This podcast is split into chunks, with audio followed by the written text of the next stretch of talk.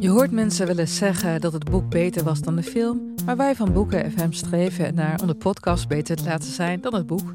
Wij lezen de klassiekers die je nog niet gelezen hebt. We lezen de boeken die je heel graag wil lezen, maar waar je eigenlijk voor schaamt om in het publiek mee gezien te worden. We lezen de Libris-winnaars. Uh, we praten over de Nobelprijslariaten. Allemaal zoals je een etentje hebt, dat je moeiteloos mee kan praten en dat het lijkt alsof je helemaal belezen bent. Wij zijn Ellen, Joost en Charlotte van Boeken FM en je kunt ons luisteren in je favoriete podcast-app.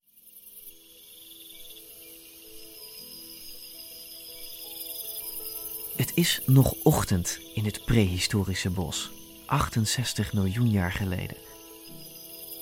Vanmiddag wordt het heet, maar nu is het nog koel.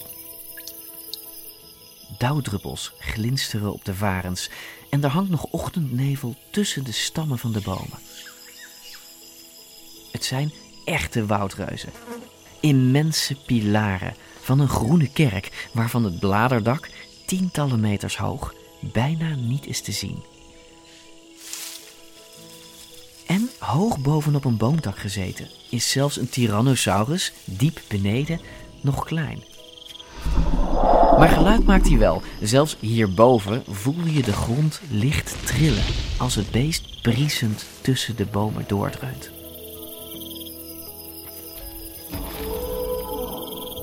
In de verte passeert een groepje jonge sauropoden hun lange nekken evenwijdig met de stammen sierlijk recht omhoog.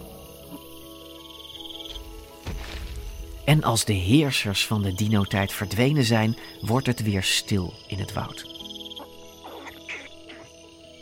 Maar niet echt, want als je goed kijkt en luistert, wemelt het tussen de bomen en ondervarens van het leven. Vanaf de hoge boomtak klimt een klein diertje handig omlaag met zijn lange staart en bruine vacht lijkt het op een kruising tussen een muis en een eekhoorn. Voorzichtig kijkt het om zich heen, voordat het razendsnel tussen de varens verdwijnt, in de richting van een beekje verderop. Dit is niet het enige zoogdier. Het bos krioelt ervan. Muisachtige, eekhoornachtige, otterachtige. In bomen, in holletjes en tussen varens. Vandaag glijdt onze blik omlaag naar wat zich tussen de voeten van de reusachtige dino's afspeelt. Want als je dacht dat daar in hun schaduw alleen maar kleine muisachtige zoogdiertjes zaten te trillen van angst, dan heb je het mis. Tussen de dinopoten was een revolutie gaande.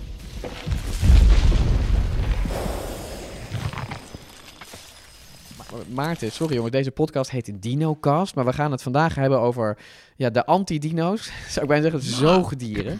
Het zijn eigenlijk geen, geen anti-dino's. Uh, ja, je kunt niet, want ze, het is niet zo dat ze georganiseerd waren in een soort van vakbeweging. Guerrilla. ja, die regelmatig demonstreerden tegen de dino's. Weg met de dino's. Waar blijft de inslag? Zoiets dergelijks. Dat was het niet. Maar het is wel een feit dat toch het beeld is ontstaan dat in het dino-tijdperk vrijwel geen zoogdieren waren. Als er al zoogdieren waren, waren het minime spitsmuisachtige beestjes. Losers waren het. Ja, het waren losers die onder de grond zaten en uh, die bij elke dreunende voetstap van zo'n sauropoden die op de vlucht sloegen. Maar dat was eigenlijk niet zo. Er was een vrij omvangrijke populatie zoogdieren. Ook wel wat grotere zoogdieren dan alleen spitsmuizen. Ja.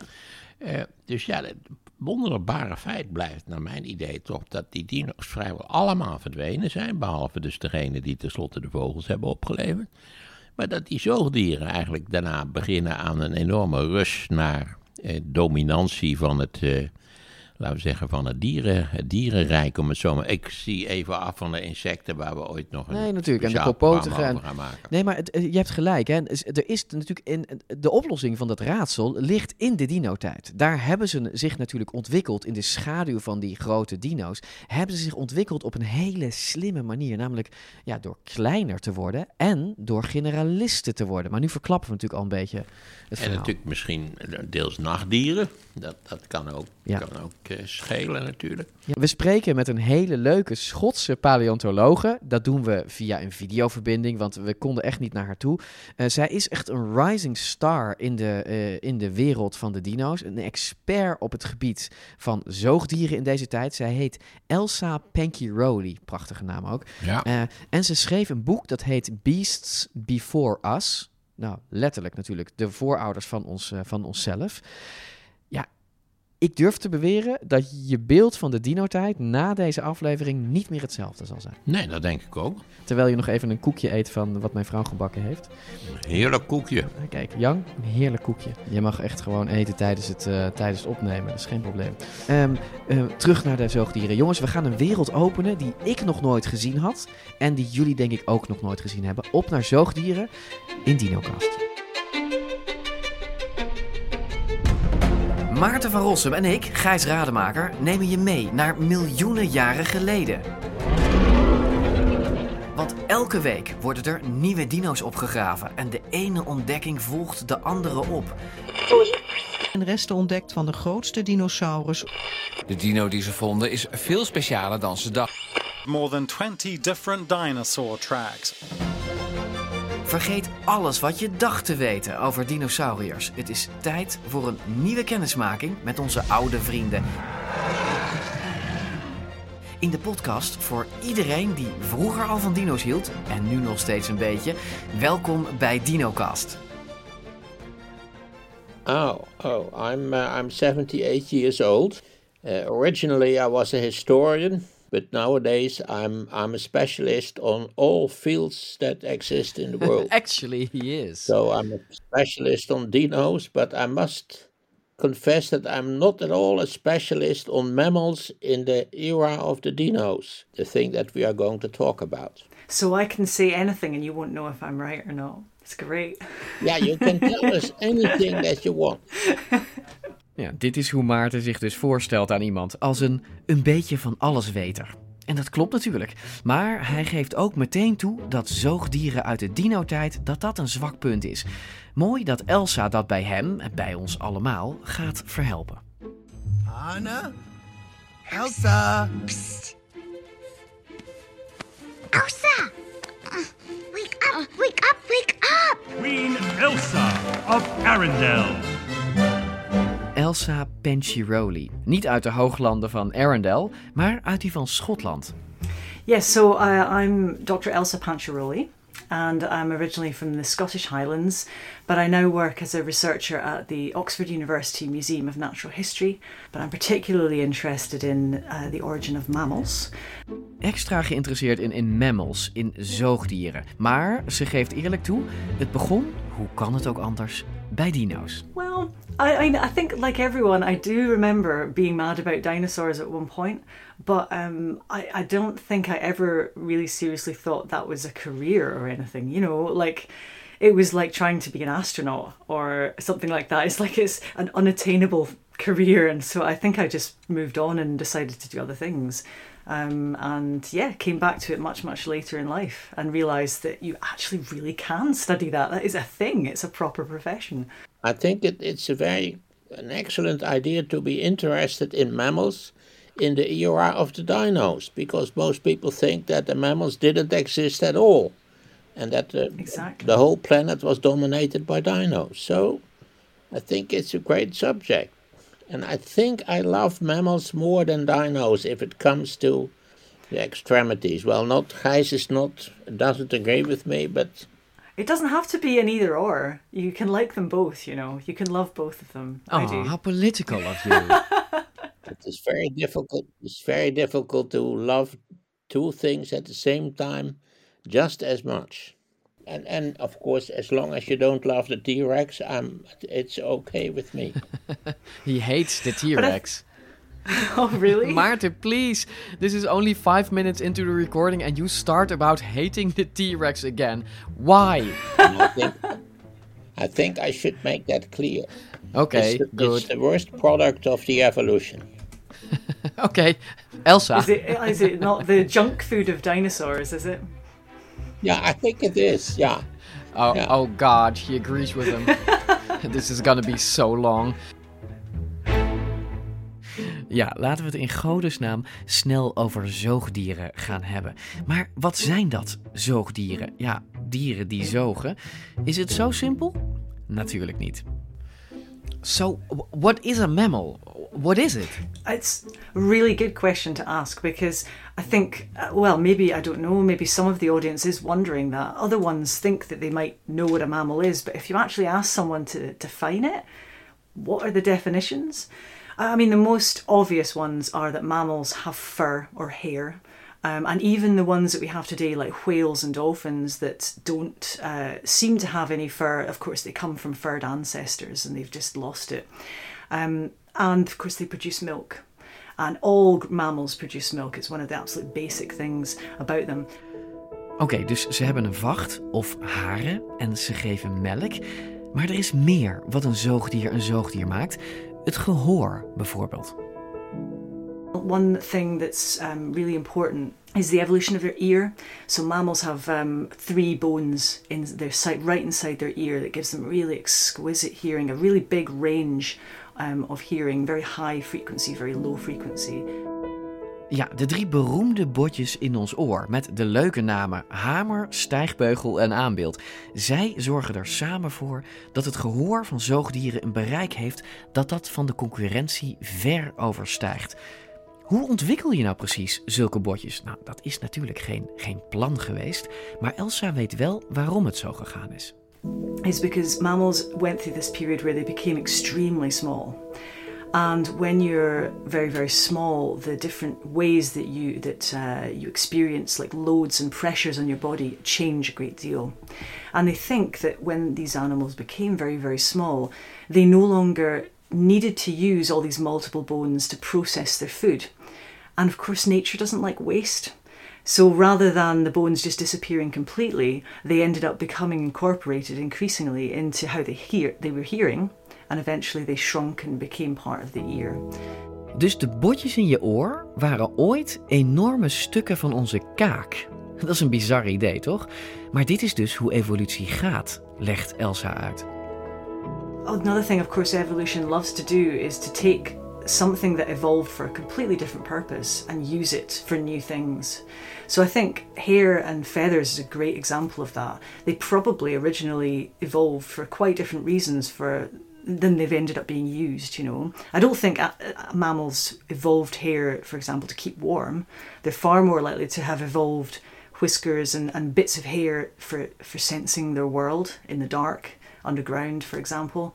And then, uh, you know, they end up getting hairier because it turns out they can live in colder places and then you end up with mammoths. yeah, it's just yeah, well, well, I skip a little bit in the middle. Yeah, exactly. so, so, actually, you could you could uh, conclude that that we as mammals and we humans too uh, have quite a lot of useful things. Uh, just because we started out as very small animals underground. Yeah, Oh, absolutely. Um, you you said earlier about people thinking mammals in the time of dinosaurs were all like losers and boring and tiny, and some of them were tiny, but being tiny actually did all kinds of things to their bodies that we are now benefiting from. Yeah it's probably part of the reason that they uh, they became more warm blooded.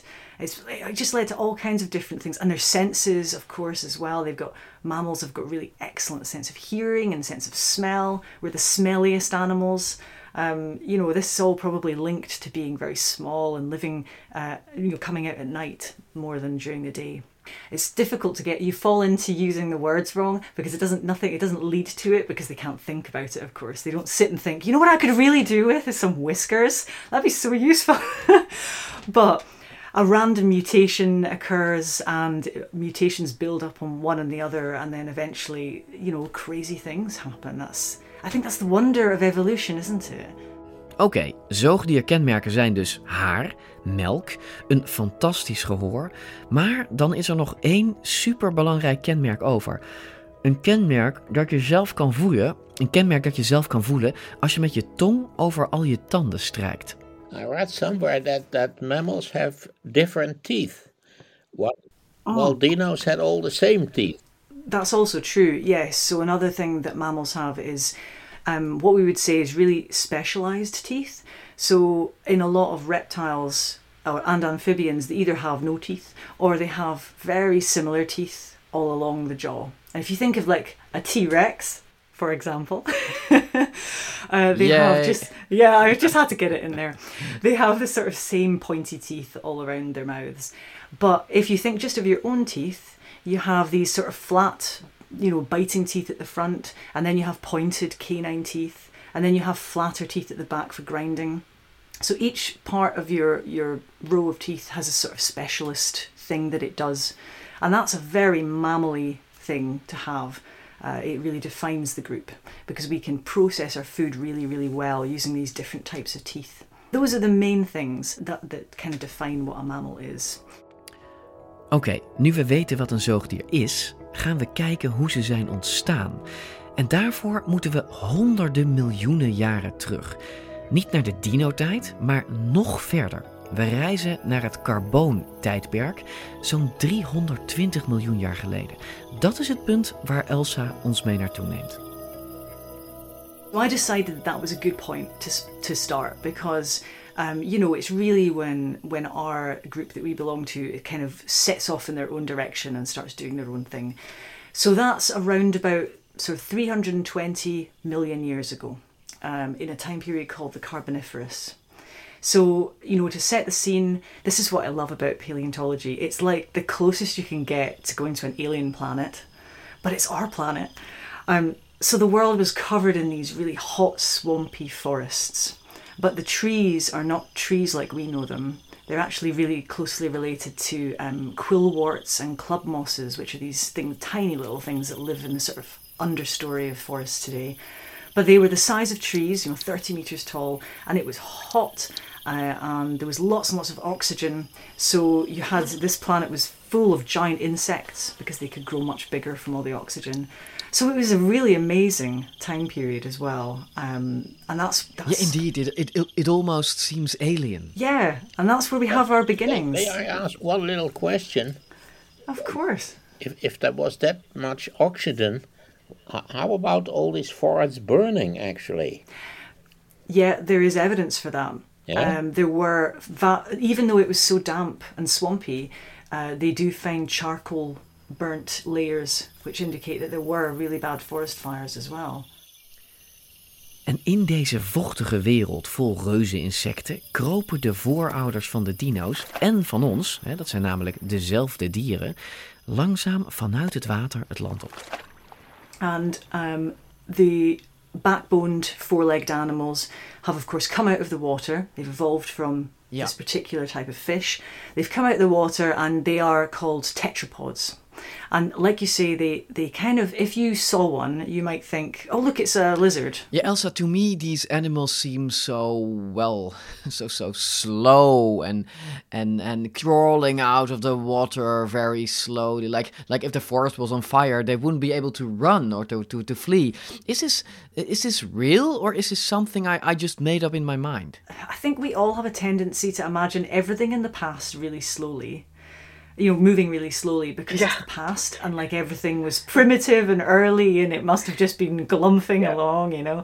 But um, I suspect it will be just like the modern day. Some of them might have been quite fast, some yeah, okay. of them might not. Yeah. Um, they wouldn't have had such uh, like they wouldn't have necessarily had warm you know as warm blood you know they would have been cold blooded perhaps so they might have been a little bit more sluggish more like a reptile Ja, deze tetrapods liepen misschien als hagedissen, keken als hagedissen, voelden waarschijnlijk als hagedissen, maar ze zijn het niet. At this point, they, they aren't lizards, they aren't mammals, they are just tetrapods. They're the thing that comes before everything. They're the, the kind of ancestor of them all. So the, the amphibians have already split off, they've gone off to do their own thing, and then this final split is between these two sort of great houses. It's like it's like Hogwarts, you know. This is yeah. I don't know what you want to say, maybe Gryffindor and Slytherin, maybe. Uh. when I call your name, you will come forth. I shall place the sorting hat on your head, and you will be sorted into your houses. Draco Malfoy. Slytherin. There's not a witch or wizard who went bad who wasn't in Slytherin. Where to put you? Not Slytherin. Better be Gryffindor!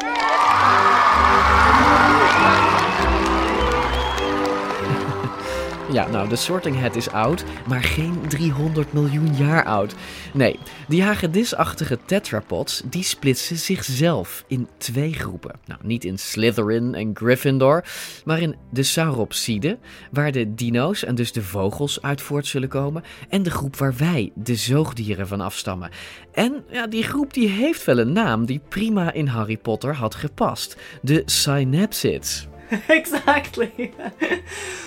Uh, so yeah, so they split into these two groups. So this is when we get the very, very first animals that are on our line. They're our most ancient ancestors, and uh, they become these creatures called synapsids.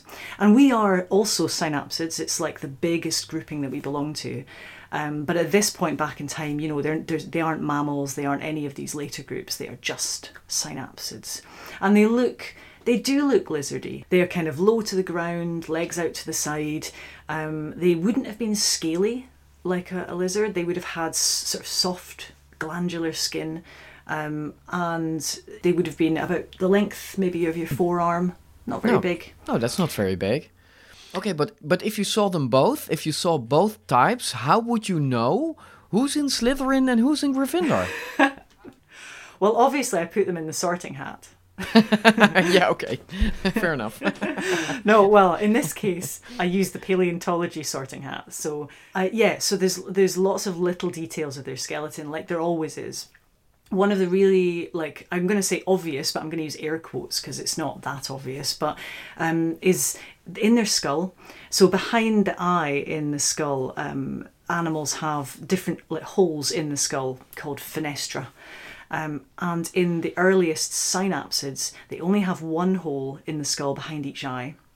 And we've still got it, and you can actually feel it in your own skull. It's just if you put your fingers on, on the behind your eye, you can feel there's like a, an indent in your skull. Uh, a little hole, which is filled with muscle, of course, for us. Well, that's it. That's it still in your skull, this leftover uh, trademark uh, that makes you a synapsid. Um, so that was that's one of the main ways that we tell. But of course, there's little details of the rest of the skeleton, uh, depending on what bits you find. so proud to be still be uh, synapsid. Exactly. Yeah. That needs to be on a T-shirt. yeah, yeah, that would be a great shirt actually. Ja, we zijn allemaal synapsids. En waarom zijn we daar niet trots op? Nou, als je zo'n DinoCast Proud to be a Synapsid t-shirt wil, dan moet je ons even een mailtje sturen, want ik zal er een paar laten maken. Echte collectors items worden dat natuurlijk. Maar goed, terwijl ik aan het praten ben over t-shirts, verstrijken er miljoenen jaren. En zijn we aanbeland in het volgende tijdvak, het Perm, vlak voor de dino-tijd. Een tijdperk waarin onze synapsids zich uitstekend thuis voelen. It's over 252 million years ago. So it's the time period that comes before the time of dinosaurs. Um, in that time period, these ancestors of ours, these synapsids, they were they were the top dogs. They were the biggest creatures. They were the ones doing the most interesting stuff. You know, there was giant plant eaters and there was meat eaters and there was burrowers and there was even tree climbers. So like really the world was theirs. And there were reptiles too, and they were doing some interesting things. But I mean, I think it's it's you know quite clear that it was the synapsids that got off um, like the starting post first. Mm. You know, in in the so-called race for life. It's lights out and away we go. Pretty even start from the front too. Verstappen does move over to cut off Lewis Hamilton. That gets a roar of approval. It is one, two, three. Ja, aan het begin van die race for life rijden onze Synapsid-voorouders dus weg op pole position. We liggen ver voor op die rare reptielen. En gedurende tientallen miljoenen jaren ontwikkelen zich de meest bizarre varianten van zoogdiervoorouders. En die bleven niet allemaal klein en muisachtig, helemaal niet. De grootste vleeseter was bijvoorbeeld Anteosaurus. Nou, let op, dit is geen dino, hè, ondanks de naam. Stel je een kruising voor tussen een gigantische hyena en een hagedis met slagtanden en grote klauwen. Dit 6 meter lange roofdier was de top predator in het permtijdperk. Niet fijn. Elsa's favoriete synapsid is het dier waarop waarschijnlijk veel gejaagd werd. Moschops. Lompe naam, maar dat past goed. I really like Moschops. I like it's part of this group. Um, they're called dinocephalians. So it's got dino, the same as dinosaur. So dinosaur means terrible lizards, but dinocephalian means terrible heads. Okay. And it's because they have these really big, thick skulls. They they look very brutish. They kind of look like the guys that stand outside nightclubs and tell you you can't get in. Um, they're really sort of massive creatures. They're like triangles with legs. Um, they can. Some of them are over three meters long, so it's like the length of a car. Um, and I just kind of love them. They're plant eaters though, but big, chunky plant eaters. Nou, ik laat Maarten even een plaatje zien van Moschops. Kijk vooral mee op dinocast.nl. You see? yes. It looks quite stupid, by the way. well, I can't okay. comment on that. Ja, Maarten en Elsa hebben gelijk. Moschops is een gigantisch gedrocht van een beest. Maar wel een van de eerste experimenten van de natuur met grote zoogdiervoorouders. Moschops, maar ook Anteosaurus en andere synapsids krijgen steeds meer kenmerken van zoogdieren. Sommige lopen al rond met de beroemde sabeltanden. These synapsids had a number of traits that suited them to a much more active and high energy lifestyle. And these are also some of the earliest traits that resemble those in mammals. For example, instead of having a row of teeth that were all the same size and shape, Therapsids had teeth with different shapes for different functions. Carnivores like the massive Anteosaurus had large front and canine teeth for ripping flesh and smaller teeth in the back for holding prey. This trend toward more specialized teeth and jaws would continue to develop. Later carnivorous synapsids could even chew their prey rather than ripping off chunks of meat and swallowing them whole, like what reptiles and birds still do today. Yeah, so their teeth had started to become specialized at this point. So yeah, we do have ones that are they have teeth that are really good for grinding plants, others that have pointed saber teeth, like a, a saber-toothed cat um, and you know, and sharp teeth at the back for for like chewing up and cutting up meat. So we're starting to see that. Another thing that you maybe wouldn't have thought about um, with mammals, and I didn't mention earlier, is something we call the secondary palate. Furthermore, they developed a secondary palate, which redirected their nasal passage, allowing them to chew and breathe at the same time, which is something I certainly enjoy. Ja, oké, okay, wacht. Een, een secondary palate? Wat is dat?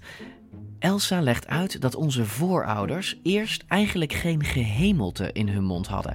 En dat had zowel nadelen als voordelen. And it's basically the roof of your mouth. So obviously if you put your tongue to the top of your mouth there's a bone yeah. there. Yeah, okay. But in in our very earliest ancestors, right back at the start, they didn't have any bone there. It went straight up into their nose. So they could have basically they could have used their tongue to pick their nose basically. Perfect. From the inside from the inside. right. Why did we lose that? it's really important and it relates to everything we're talking about with eating.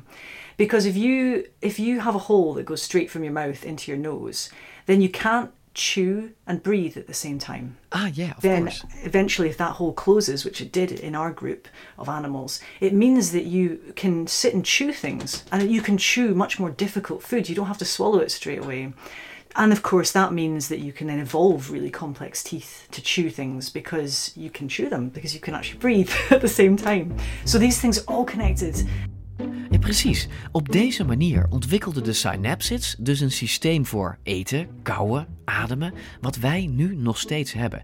Maar even een zijlijn: synapsids. Anteosaurus, Moschops. Maarten en ik worstelen met al die ingewikkelde namen. En jij vast ook. Ja, terwijl tegelijkertijd Triceratops geen enkel probleem is. Raar toch, eigenlijk? We're just not familiar with them because we hear about dinosaurs all the time. And they're on TV and they're in the media and they're in books, but you just don't hear about these really early mammal predecessors. So it means that every single name you hear is really difficult. What's a better name than a T-Rex? Everybody knows what it's all about and, and if you if you're called a T-Rex, same way that Napoleon was successful. Well, to to be honest, Maarten, what, what Elsa says is, is is true. I think. Why should we know what is a Triceratops or a Deinonychus or a Diplod- Diplodocus, and not know about uh, or or Biarmosuchus or whatever? It's it's just because we are not uh, familiar with them, right? Goed, we moeten er maar even aan wennen, aan de synapsids. En wat een succesverhaal, hoor ik je denken. Onbetwiste heersers over de aarde in het permtijdperk. Ja, en toch, toch waren het enkele tientallen miljoenen jaren later niet meer de synapsids die de aarde domineerden, maar de dinosauriërs. What happened? Nou, zonder enige overdrijving, de grootste ramp die onze aarde ooit overkwam, happened. When you think of mass extinctions, you probably think dinosaurs, which, I mean, that's fair, because, you know, dinosaurs. But the greatest extinction event of all time wasn't about the dinosaurs at all. About 250 million years ago, something caused even more species to die out, an event called the End Permian Extinction, also known by its much cheerier name, the Great Dying. We have this mass extinction at the end of the Permian, which took place over a really long period of time, too. I mean, some of the evidence suggests possibly millions of years of uh, volcanic eruptions and massive climate change and ecosystem collapses. Um, and all of the stuff we were just talking about, almost all of them uh, become extinct. I will I will insert a, a, kind of gloomy piece with all kinds of volcanic activities and I will say in a gloomy voice like everybody dies.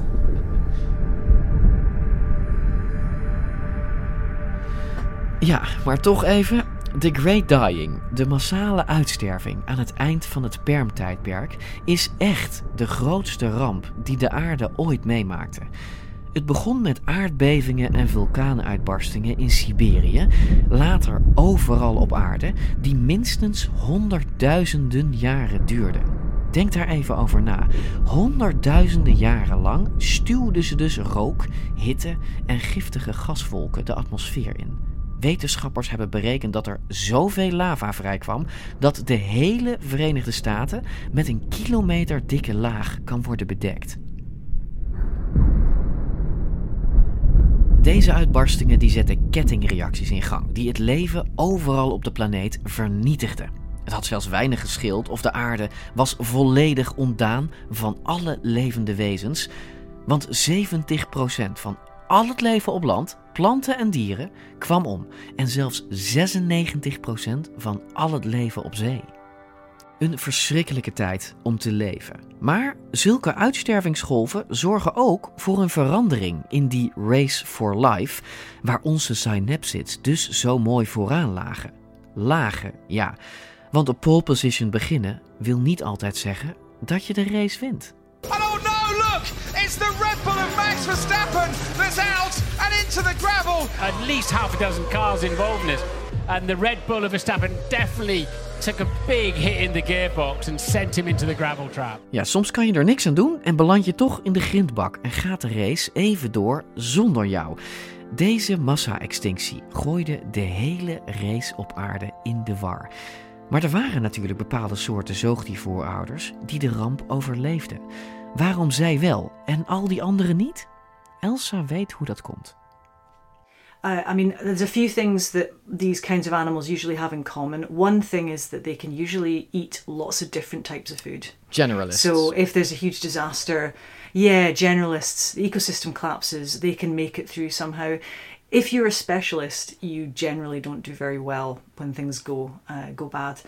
Um, in the case of particularly the cynodonts, probably they were burrowing as well.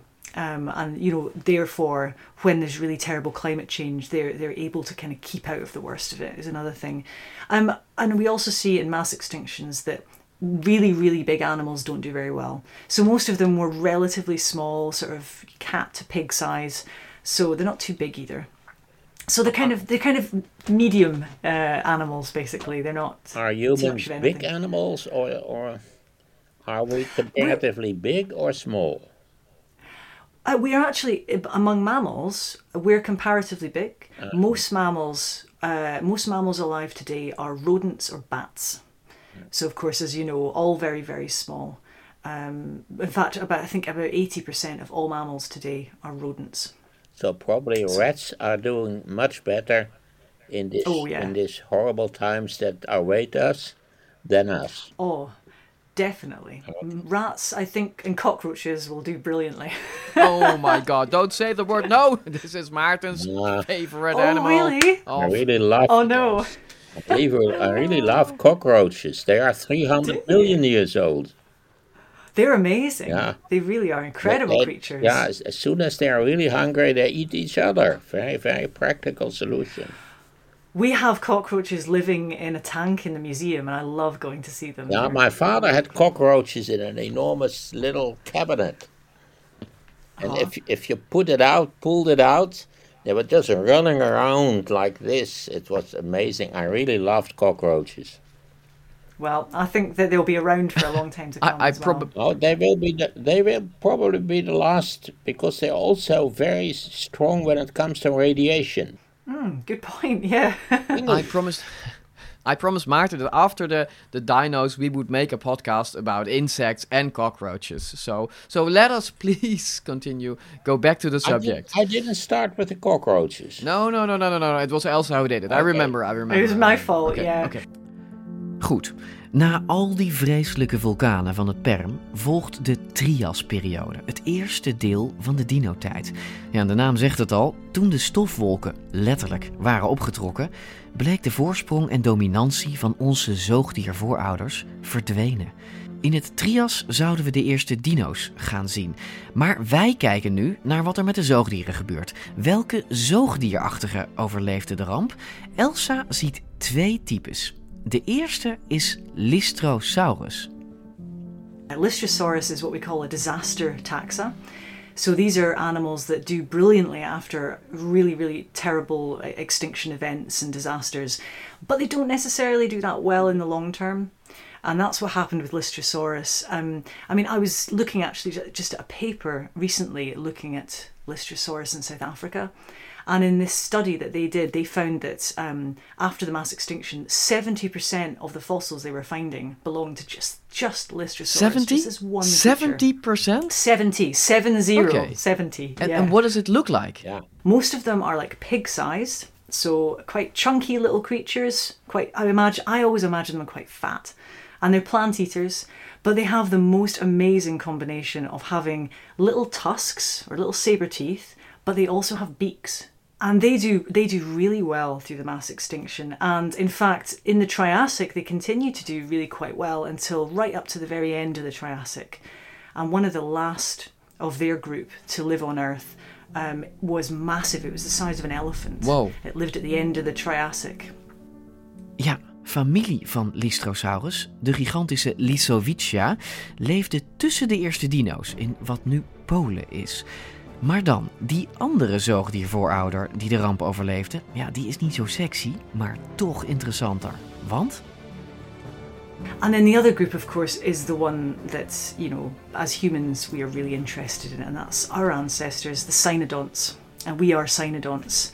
And these were small, dog like creatures, and they had existed in the Permian as well, but um, they were just sort of little things, they weren't doing that much of interest. But after the Permian, that's when they start to do interesting things and start to become really mammally we would recognize them at this point as being mammals. They would have had, for example, their legs are more underneath their body. They're, you know, fast moving. They would have been warmer blooded. They probably, a lot of them, would have had fur and whiskers.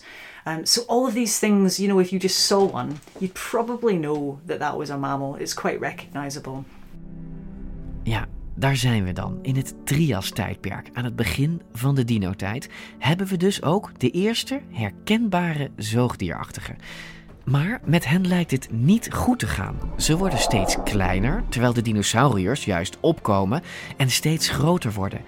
Die doen het dus veel beter. Maar zo mag ik niet praten van Elsa. The reptiles become bigger um, and the mammals go the opposite way. They te- they all become much smaller. By the end of the Triassic, they're really very small. So the dinosaurs start to exploit being really big and moving into those kinds of you know ecosystem spaces. Um, and of course, they also become very very diverse. They start to do lots of different things. Um, so that's why I guess we call it the age of reptiles. Um, but I don't like words like better or worse because I don't think really that kind of captures it. Because coming back to the question Martin asked earlier, you know, were there as many mammals, for example, as there were dinosaurs? I strongly suspect that there were huge numbers of mammals, but they're all little and we don't find their bones very easily. the same way that there was probably a huge number of tiny lizards and amphibians as well, just like an ecosystem today. You know, if you go out for a walk in the woods, you might find the skeleton of a deer, but you're not going to find all the skeletons of the thousands of mice that have died and things and birds because they're too tiny and they disappear and they you know get eaten up in the leaf litter and so on. And it's the same with the fossil record. It's very difficult to find little things. So they that's one of the reasons that they seem to be so so scarce in the time of dinosaurs because they're, they're very small and hard to find.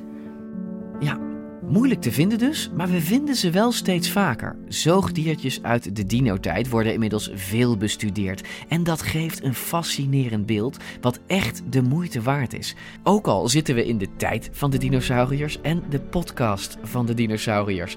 Elsa en Maarten spreken me nog één keer vermanend toe. En misschien jou ook wel een beetje, beste luisteraar. Dinosaurs are interesting and they're a touchstone. Like if you say something's really old, I always say it's from the time before the dinosaurs, the time of the dinosaurs, or just after the time of the dinosaurs, because we all know when that was. We know it was a long time ago. But I think for my book, I wanted to try and get people to say, okay, it's the time of dinosaurs, but try not to think about them because I want you to think about something else for a little while.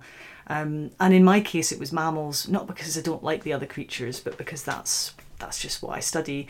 But equally interesting are the amphibians and the insects and you know in the seas the squid. They're all doing interesting things. They just all get overshadowed because you know dinosaurs do get a lot of attention. I'm thinking about do i cut out all the parts where you talk about other animals than mammals or? Sorry guys. I think people should learn that you always have to think about all the animals and and all their, their different talents and, and why they survived or didn't survive. Yeah, I know, I know, I know. I'll, I'll leave it in. I'll leave and, it and I also, I mean, if you're if you're totally fascinated by dinosaurs and nothing else, you don't have a complete picture of how the dinosaurs lived if you don't know about the things that lived with them. I mean, it's like imagine trying to understand, you know, like lions in in the plains of Africa, but not paying any attention to the plants or the you know the other animals that live there. It's just you can't. You need to know about everything, or it's just not a proper picture. Dus niet alleen geeft het je een veel completer en echter beeld van de dino-tijd, vergeet niet dat het ook ons verhaal is. Deze cynodons, die kleine hondachtige zoogdiertjes, die zijn echt onze voorouders. The age of reptiles had begun. Meanwhile, the descendants of those little cynodonts persisted hiding in the dinosaur shadows. So, to this day, the legacy of those very first terrestrial ecosystems lives on in today's mammals, including us. So, you may not see the family resemblance, but those features still connect you to that long forgotten animal even after more than a quarter of a billion years. En volgende week gaan Maarten, Elsa en ik kijken hoe het de zoogdieren in de dino-tijd vergaat. En we gaan op bezoek in Maastricht, waar in het Natuurhistorisch Museum een stukje zoogdier ligt uit de dino-tijd, wat er gekoesterd wordt als een bijzondere schat.